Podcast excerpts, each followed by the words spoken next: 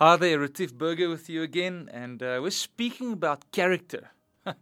Such a hot topic as we look around us. We are looking for leaders um, that's supposed to have character, whether it be church leaders, uh, political leaders, family leaders, business leaders, and we we see so few of that in our in our society these days.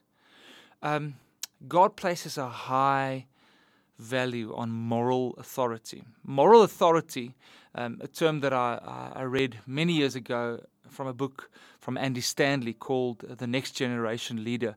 Um, that just stuck with me is how can I have moral authority? Now, moral authority is, if you think about an old sheriff in the Western, uh, wild, wild West, um, that badge that they wore, that was a sign of authority you know that that is the uh, that's the authority in town.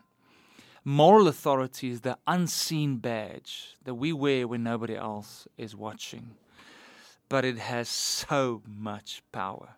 Now, I want to jump into a scripture um, that speaks about moral authority, and it's something that we saw in the life of three friends, Shadrach, Meshach, and Abednego.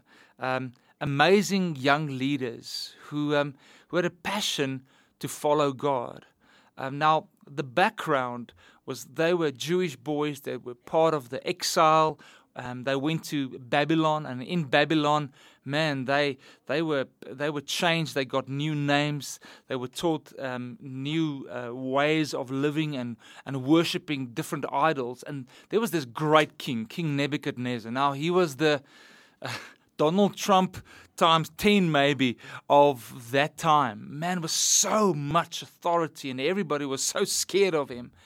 And he commanded them, as all the other people, to bow before a golden statue that was erected.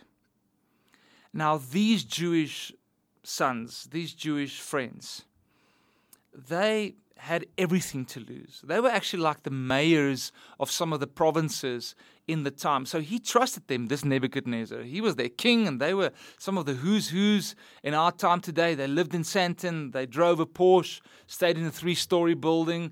Um, man, they had it set for life. But um, they were confronted in this moment to lose their moral authority or not. Because, as Jews, of course, they were commanded to only bow before the true and living God. And if you read out of that passage, where they, in the book of Daniel, Daniel 3, between chapters 13 to uh, uh, uh verses 13 to 18, where they choose not to bow before the king. Of course, he loses it. and he says, Come on, um, I'm giving you a second chance to actually bow before me. And they said, No. Many of us have these type of Nebuchadnezzars and if we don't bow before them, we have challenges like so who will hire you then? Who will promote you? Who will then believe in your idea, your product? Where will you then get a husband?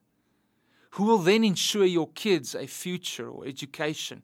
Or how will you otherwise get back financially on your feet? Who will pay the bills? And, and it's almost as if it screams out to us that we have no other choice left. It's as if the Nebuchadnezzars in our lives say, hey, if you don't compromise your character and your moral authority, there's no future for you.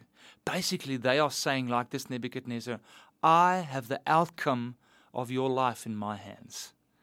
But as Christians, we know that God has the final say. God has the final authority in our lives. And I want to challenge you to not bow and not compromise on your moral authority. To not bow before the Nebuchadnezzars in your life, even though it seems like there's no other choice. This is where you need to have backbone, character, moral authority. Next week, we're going to look at what choice did they make and what was the outcome of that choice.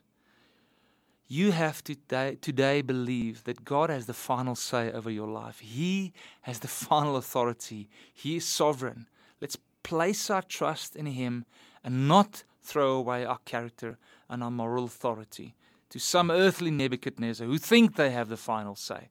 And let's trust fully in God.